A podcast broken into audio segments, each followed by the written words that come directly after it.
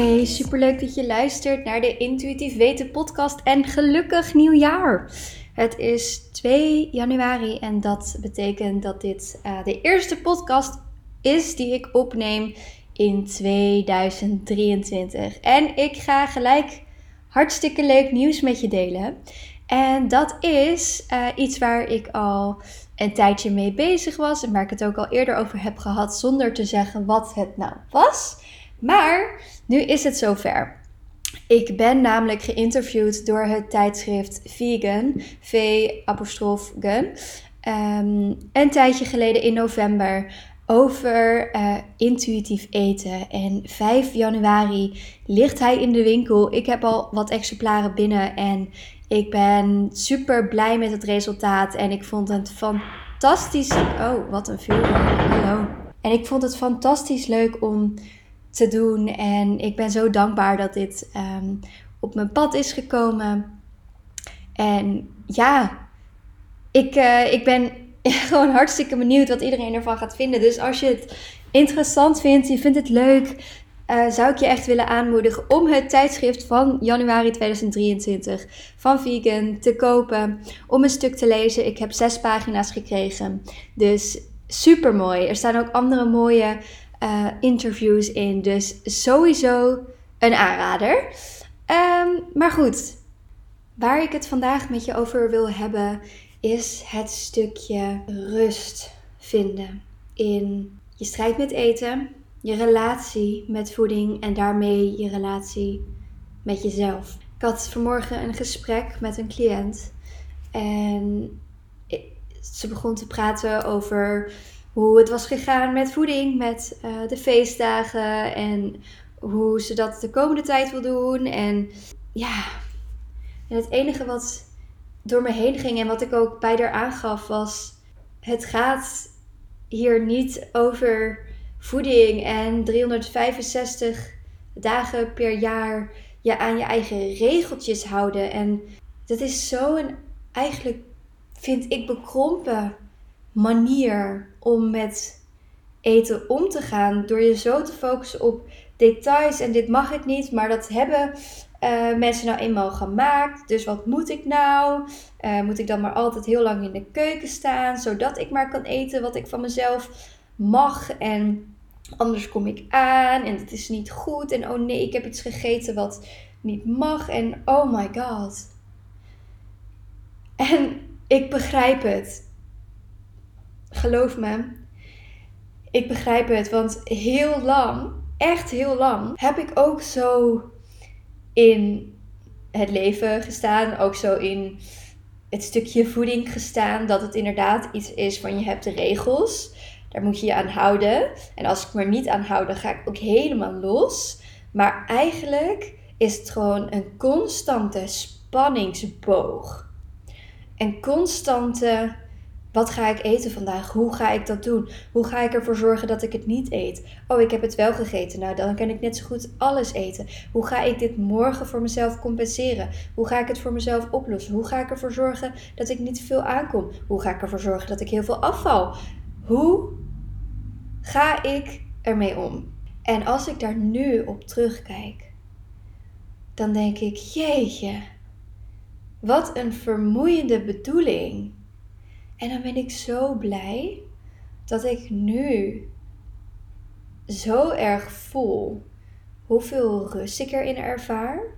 En de persoon die vroeg ook aan mij van hoe doe jij dat? Ik zeg ja, voor, voor mij is dat zo anders. Want het maakt mij niet uit als zij iets maken op een andere manier dan ik het zou maken. Want het maakt mij niet meer uit of ergens wel of geen olie in zit.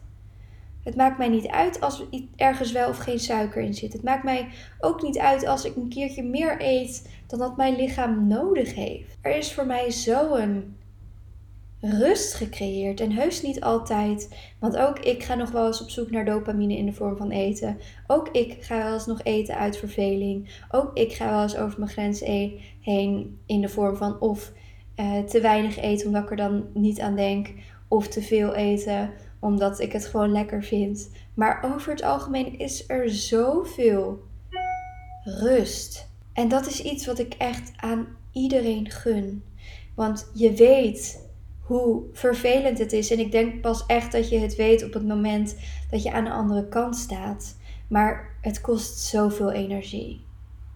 En het is zo niet nodig. En dat is vaak nog de reden dat mensen zich eraan vast blijven klampen, omdat ze het idee hebben: als ik het loslaat, ja, dan ga ik helemaal over de grens. Als ik lief voor mezelf ben, nou, dan ga ik sowieso aankomen. Of dan ga ik sowieso nooit meer afvallen. Of iets wat daarop lijkt. Nee, we moeten vanuit hardheid naar onszelf en niet goed genoeg zijn en onszelf constant in de spiegel kijken en zeggen dat we niet goed genoeg zijn, vanuit die manier moeten we het doen. We moeten regels voor onszelf creëren, want alleen dan gaan we afvallen. Maar dan wil ik jou een vraag stellen. Is het je ook echt gelukt om dat te doen en het vast te houden? Dat gewicht waar je misschien wil zijn, als je wil afvallen. Is het je gelukt vanuit oordeel naar jezelf, vanuit woede naar jezelf, vanuit regels opleggen naar jezelf, vanuit bekrompenheid. Mij was het absoluut niet gelukt op die manier.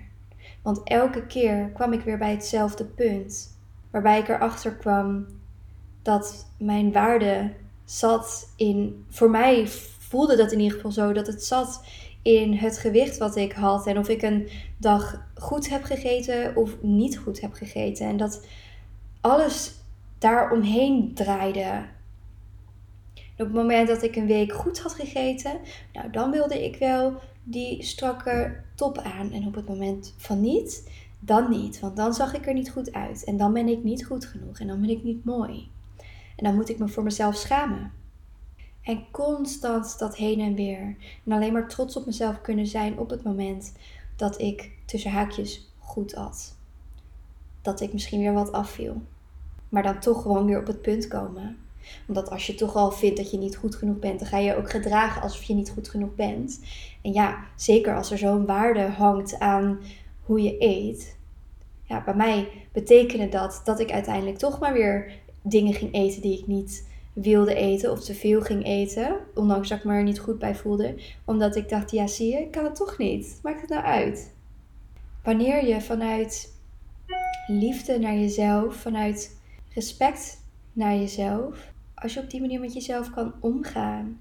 En bepaalde dingen wil eten omdat je er goed door voelt. Omdat je weet dat je er energie van krijgt. Omdat je weet dat het veel voedingsstoffen bevat. Als je wilt bewegen omdat je weet dat je er zo lekker door voelt om dat hart even wat te laten pompen.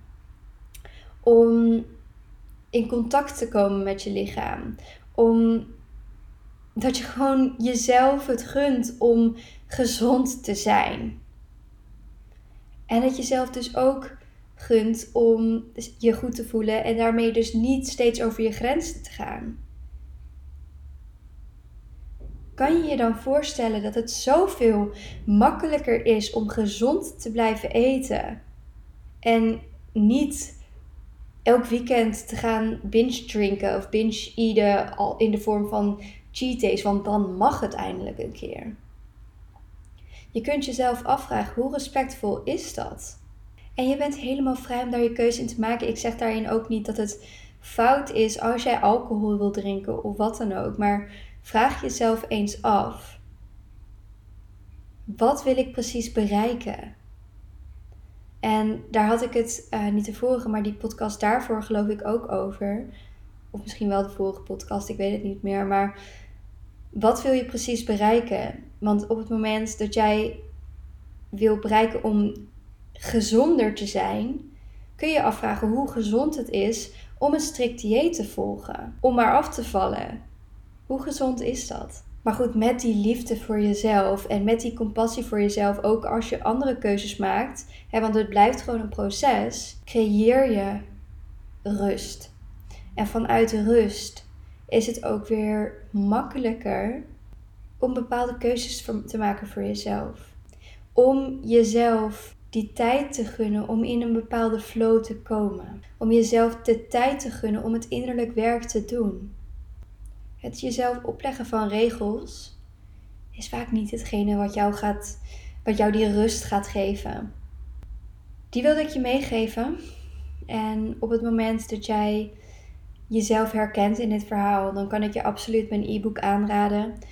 Hij staat in een link in ehm, de show notes, zodat je even kunt kijken. Het gaat over stoppen met overeten. Uh, en daarmee dus ook stoppen met eetbuien. En daarmee eventueel ook gewicht verliezen als je daar naar op zoek bent. En mocht je op zoek zijn naar persoonlijke coaching, dan kun je ook absoluut een kennismakingsgesprek inboeken, zodat we even kunnen kijken: is dit een match? Um, ben ik de juiste persoon om jou te helpen? En denk ik ook dat ik jou kan bieden wat je nodig hebt? Of ben je er misschien nog niet klaar voor? Dankjewel voor het luisteren. Ik hoop dat je een fantastisch 2023 hebt. Dat je ontzettend veel mag gaan leren over jezelf. Dat gun ik je.